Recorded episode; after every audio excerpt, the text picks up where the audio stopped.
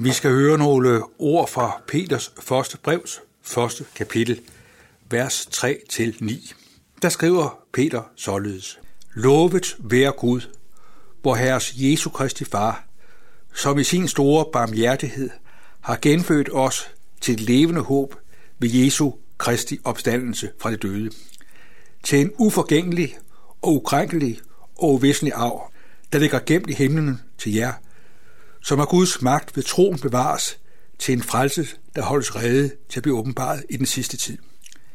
Der skal jeg juble skønt endnu en kort tid, hvis det, hvis det så skal være, må lide under prøvelser af mange slags, for at jeres tro, der er mere værd end det forgængelige guld, der dog prøves i ild, kan stå sin prøve og blive til pris og herlighed og ære, når Jesus Kristus åbenbares. Ham elsker I, uden at have set ham. Ham tror jeg på nu, uden at have set ham. Men I skal juble med en usigelig og forklaret glæde, når jeg kommer frem til troens mål, jeres sjæles frelse. De første ord, vi hørte, at lovet være Gud, hvor her Jesu Kristi Far, som, har gen, som i sin store barmhjertighed har genfødt os til et levende håb ved Jesu Kristi opstandelse fra de døde. Det er nogle af de ord, der er særdeles kendt, for de ord det bliver brugt ved hver dåb og hver bisættelse eller begravelse. Og det hænger sammen med, at disse ord, det er ligesom giver rammen om det at være kristen.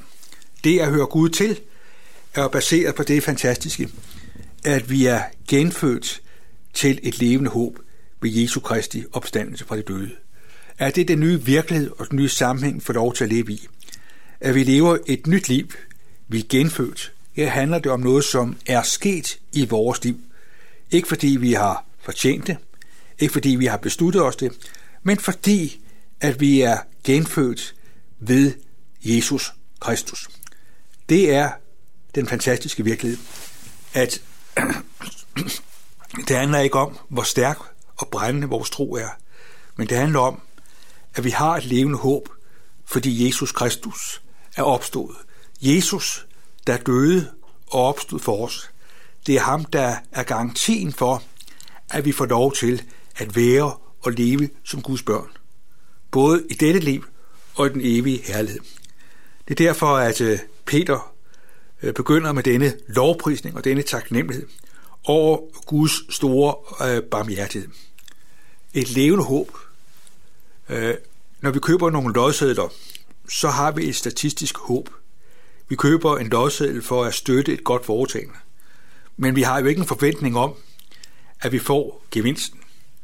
For skulle vi være sikre på at få gevinsten, så skulle vi jo købe alle lovsætterne. Og det ville jo ikke være den helt geniale investering. Her er der ikke tale om et teoretisk håb.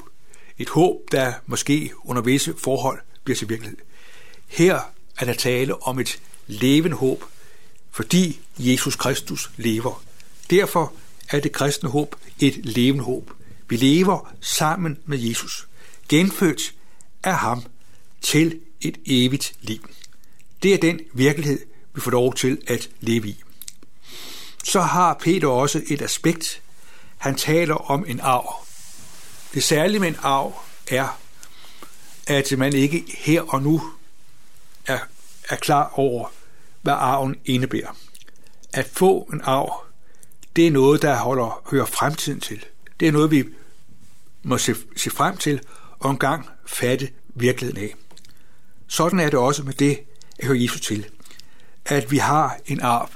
Vi har et evigt liv, som vi får i eje, når vi forlader den jord. Når vi får til den evige herlighed, fordi vi tror på Jesus og er døbt til ham, så har vi altså en arv, som er evig.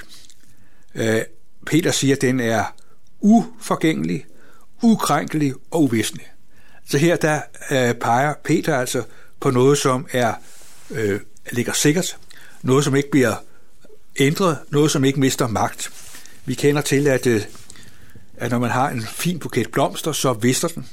Vi øh, kender også til, at, øh, at, øh, at noget af det, vi har, det må vi give slip på. Det er noget, der ruster op og forsvinder. Og vi kender også til, at noget, som er fuldkommet, Øh, alligevel er krænkeligt, er skrøbeligt og svagt. Sådan er det ikke med den arv. den arv, som øh, ligger øh, og venter på os, den øh, ligger gemt i himlene. Og det synes jeg, det er et godt perspektiv at tænke på, at her der handler det ikke om, hvad, hvad jeg sådan kan styre, og hvad jeg kan kontrollere, og hvad jeg kan bevare.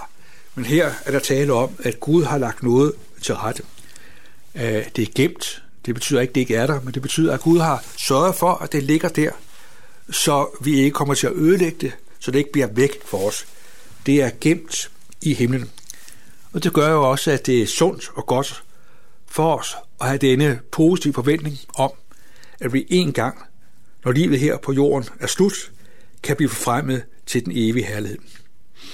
Så siger Peter også, at det handler ikke om, at øh, jeg øh, har magt, og jeg har styrke, og jeg har udholdenhed.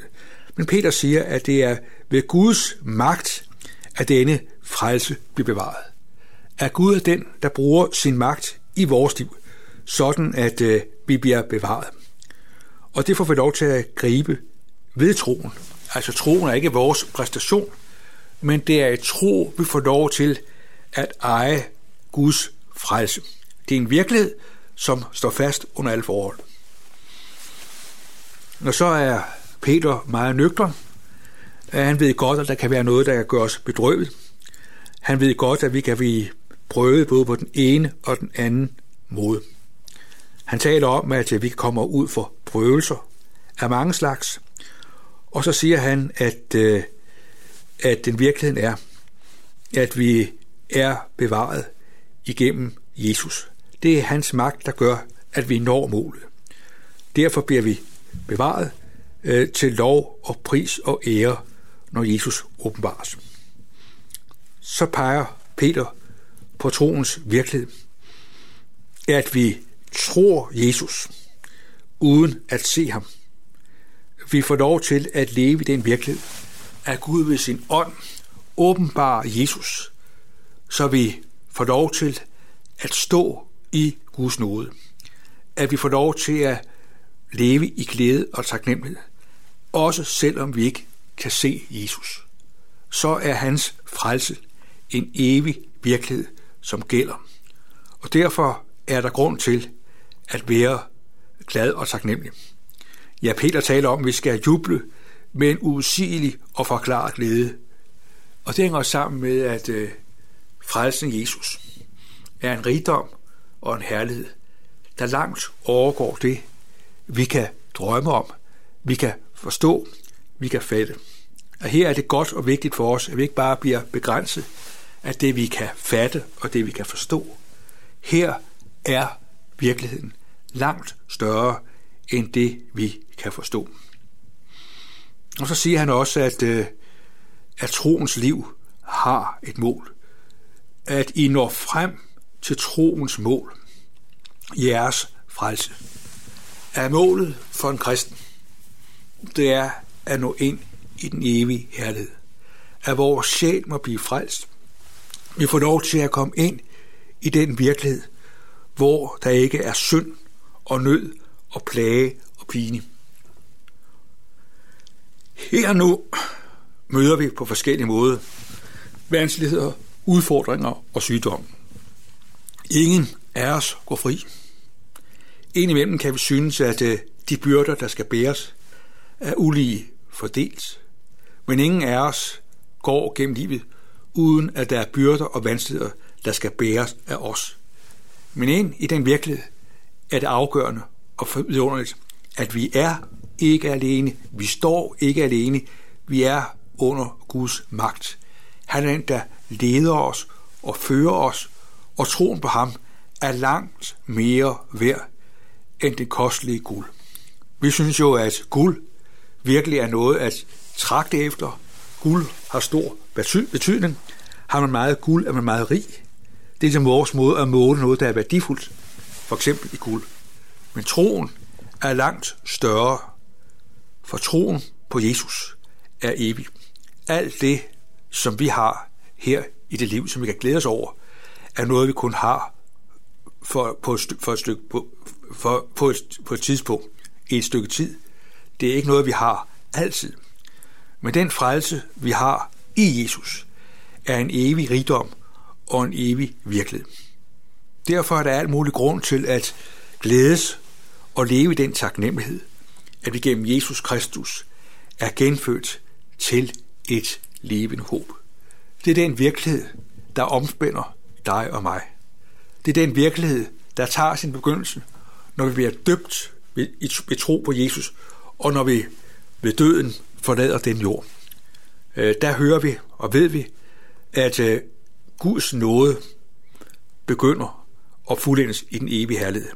Han, som begynder sin gode gerning, han vil også fuldføre den og udføre den i dit og mit liv.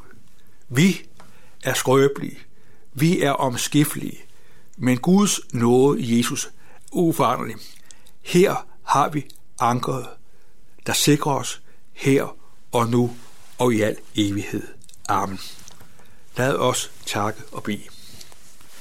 Himmelske Far, vi takker dig for din udsigelige frelse og nåde. Tak fordi vi er genfødt til levende håb. Og tak fordi du ved din magt bevarer os hos dig. Og så beder vi om, at du må være os nær. Også når vi møder trængsler og lidelser og modgang og sygdom, hvad det nu kan være. Tak fordi du er den, der bærer med. Vi beder om, at det, vi har lyttet til nu, må få lov til at bære os. Vi beder om, at du vil sige den dag, vær du os og alle vores kære nær. Tak for din evige sejr, din død og din opstandelse. Amen.